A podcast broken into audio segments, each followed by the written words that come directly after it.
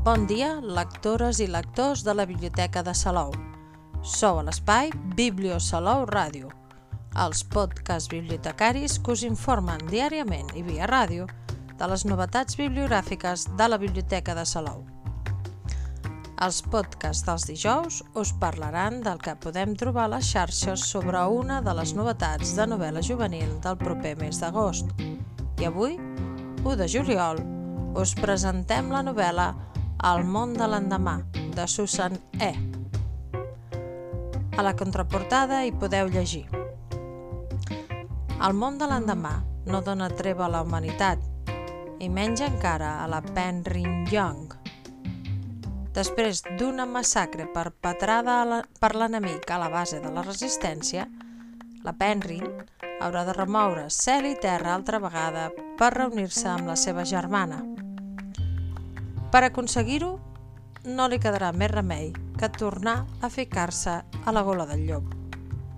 La ciutat deserta de San Francisco amaga nous perills i els àngels sobrepassaran qualsevol límit per guanyar la partida a la humanitat, que està decidida a fer ressorgir la civilització del munt de cendres a què va quedar reduïda mesos enrere.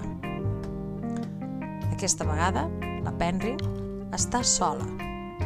En Rafe la creu morta i busca desesperadament les seves ales per poder enfrontar-se als companys que l'han traït i reclamar el lloc que li correspon entre els seus.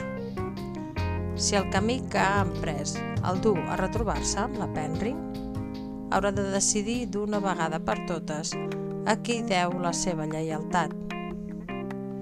Absolutament trepidant, atraparà fins i tot els lectors que sempre s'han resistit a la ciència-ficció. Sunday Mirror Els llibres de la trilogia Penryn i la fi del temps formen una sola història que podem descriure en una paraula.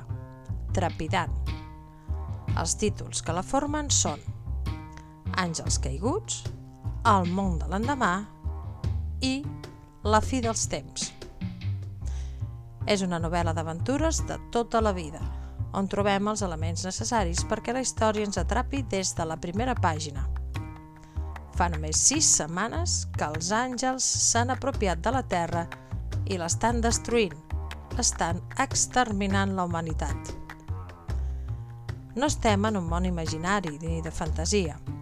Ciutats com San Francisco són un dels escenaris de la novel·la, estem al segle XXI amb la tecnologia i costums actuals.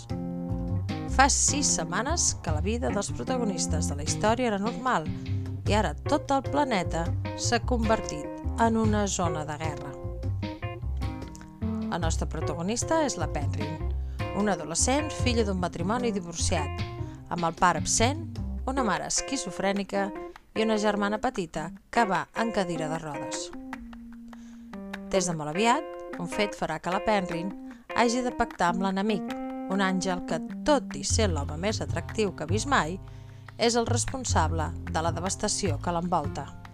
Aquest àngel és en Rafe, el coprotagonista d'aquesta història, del que anirem intuint el que pensa, tot i ser massa críptic, la qual cosa despistarà la Penryn i l'obligarà a prendre decisions sense saber què en pensa en realitat. A El món de l'endemà, el segon llibre de la trilogia, comencem a veure que no només és una trilogia per llegir, prou. Elements que s'havien plantejat abans es desenvolupen i fan de la trilogia una lectura no només apassionant, sinó reflexiva i interessant. Susan, eh? Ens parla de la lleialtat, paraula que implica escollir un bàndol, ens parla dels enemics i de la paradoxa que suposa estimar algú que està matant la teva gent. Hi ha també la contradicció entre bogeria i seny. La Penryn ha patit els efectes d'una mare que és esquizofrènica, conseqüències tant físiques com psicològiques. Però en un món que està tot trasbalsat, es podria considerar que el que creiem bogeria potser no ho era en realitat? La mare tindrà un paper molt important en aquesta història. Aquesta trilogia resulta ser una història que conté un seguit de reflexions que són molt interessants. En resum, és una obra completa i de qualitat que va molt més enllà i ens convida a reflexionar sobre les relacions personals i els vincles que ens ajuden a ser qui som i a no perdre'ns. Destins personals i creixements emocionals, amb una finalitat de justícia i molts dubtes que es dona la mà en aquesta obra que manté el ritme i la trama del primer llibre. El llibre està publicat en català per l'editorial Obscura i en castellà per l'editorial Oceano Té un total de 361 pàgines i 75 capítols. Està recomanat per a lectors i lectores a partir de 14 anys. A Argus, el catàleg de la xarxa de biblioteques públiques de Catalunya, trobareu els tres llibres que formen la trilogia en català i castellà, així com també els dos primers llibres de la saga Històries de mitjanit de la mateixa autora. Susané és una escriptora i directora de cinema àmpliament reconeguda i una entusiasta de la ciència-ficció, de la fantasia i del terror, especialment quan hi ha un toc romàntic.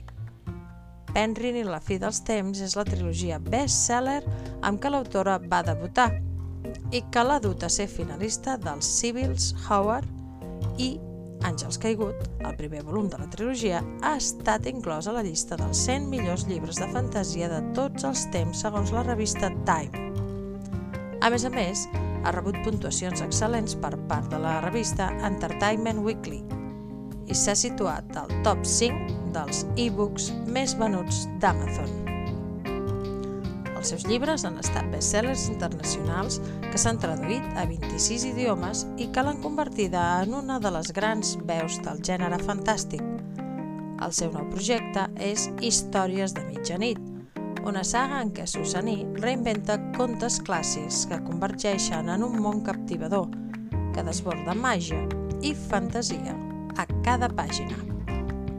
L'hem buscat a les xarxes i Susaní hi és present amb una pàgina web, susani, amb dos es, .com. També la trobem a Facebook, Susan EE e Oficial, i a Twitter, arroba susan -ee. E. I fins aquí el podcast d'avui, però tenim moltes més novetats de novel·la juvenil que anirem descobrint cada dijous.